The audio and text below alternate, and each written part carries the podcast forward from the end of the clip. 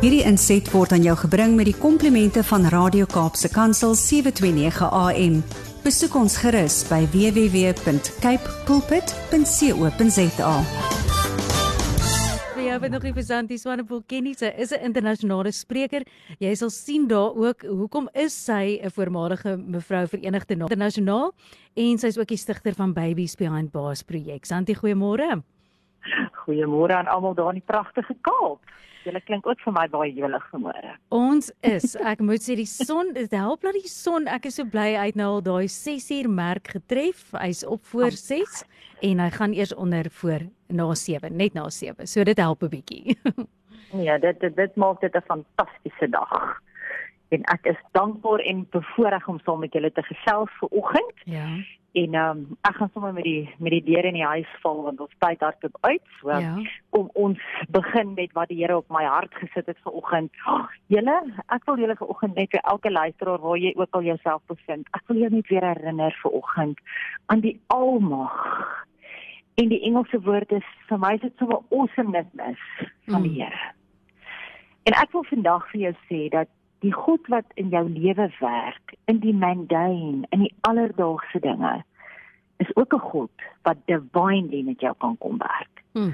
Ek wil jou vat vandag as jy vergeet het hoe divine en dat hy bo natuurlik met jou kan kom werk. Dan daag ek jou uit om net weer Daniël 5 vers 5 te gaan lees waar daar staan: Suddenly the fingers of a man's hand emerged and began writing opposite the lampstand on the plaster of a wall of the king's palace. And the king saw the back of the hand doing the writing. Ek dink ek gaan vir my boeg lank skrik. maar vandag wil ek vir jou 'n boeg laat, maar Ja. maar dit dis die God wat wat ons dien, is hy is nie beperk in tyd en spasie en ruimte nie. Ja. Ek vat jou vandag vinnig na die storie van 'n man wat diep in my hart is, maar ek het nooit sy storie geken van hoe hy by die Here uitgekom het nie. Maar dis 'n man wat divinely geroep is. Ek deel vanoggend vir jou die storie en gaan Google dit, gaan luister sy teachings. Maar John Paul Jackson's calling into the ministry came as a result of divine intervention oor 'n radiostasie julle. Hm. Mag julle twee daai studio ook vandag besef hoe God julle kragtig bonatuurlik kan gebruik. Hmm. When he was just 30 years old, he was already successful in a Fortune 500 corporation. We had just been promoted for the first a third time in 18 months. 30 jaar oud. Die Here Hmm. kan jou kies op 20, op 30, op 40, op 50, op 80. Ja. He was listening to a Christian radio program on which Ruth Ward Heflin, gaan Google haar bietjie.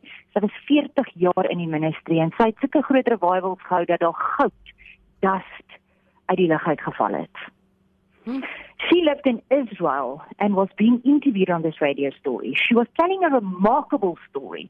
A story about how an angel came to her in Jerusalem in a dream and told her step by step how she how she was going to get up the next morning, go to Tel Aviv airport.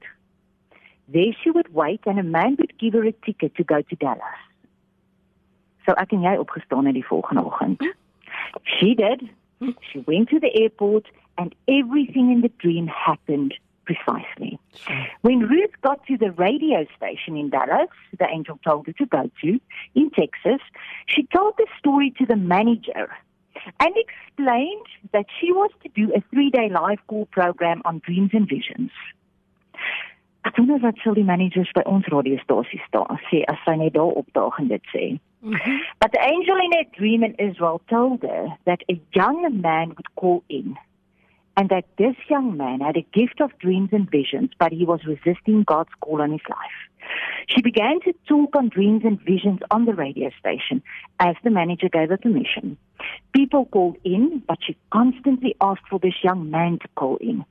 The program was very interesting, and for the following two days, he too prayed for this young man to call in. If God did all of this for a woman to come from Israel, the man needed to listen to this radio station, he thought. Dozens called in, but they were not the one she was looking for. Finally, on the third day of the program, with 10 minutes left, he heard a voice deep inside himself telling him to call. He really didn't want to, but he simply just did. Then when he made the call, he heard, You are live on air. He was even more stunned when he heard the words that he never expected to hear. She said, Young man, what took you so long to call? You are the young man I was sent here for. Well, of course, he argued that he was not the young man, but she kept insisting that the same voice that told her to come to Dallas was the same voice telling her now that he was the young man. Mm. Then the call ended with her asking him, What are you going to do now? It must be very important to God to bring me all the way from Israel just for you. That day forever changed the life of John Paul Jackson, and he started a prophetic ministry today called Streams Ministry International. He's an author, teacher, conference speaker, and he's focused on supernatural topics like dreams, visions, dream interpretations as found in the Bible. Hmm. He is such a solid, God fearing man. I leave you this morning with a blessing. If if God is calling you today, be obedient. But He is also the God of the mundane. But He is surely the God of divinity, divine intervention in your life. I leave you with The Father's Blessing by John Paul Jackson. Go and Google it, write it down, get this podcast afterwards, and bless yourself and pray this over you and your children every day. I'm leaving you with The Father's Blessing by John Paul Jackson, who was called to his calling on a radio station. May you reach, I want you to just, wherever you are, close your eyes, not if you're driving, but wherever you are, just be still for a second or two. Close your eyes if you can and really focus on what I'm blessing you with now. May you reach the purpose for which you were created. Mm. May you have courage above your peers. May you have more passion for the things of God than others think is necessary. May you dream more than others even think is practical. May you expect more than others think is possible. May you choose wisely without any earthly bias. You have people to influence that you have not yet met. You have lives to change that are waiting for your arrival. You are strategically placed wherever God takes you by His grand design. Mm. Just so that you can become everything He made you to be. That place is the place you can grow best. That place is the place where you can be fruitful. The place where the future is changed because of your presence. May you see deeper into that things that other people don't even know exist. Hmm. May you see God in every petal of every flower and every blade of grass. For each of them are designed by His hand. May you bless your children and may they become giants in the faith under the mighty hand of God. Hmm. You won't fail. You were made by God to be here right now for such a time as this. Sure. Amen. Sandy, ek weet nie of dit moontlik yeah. is of jy daai het om vir my aan te stuur nie. Ek sal dit so graag vir ons luisteraars wil deel. Miskien sommer op ons WhatsApp.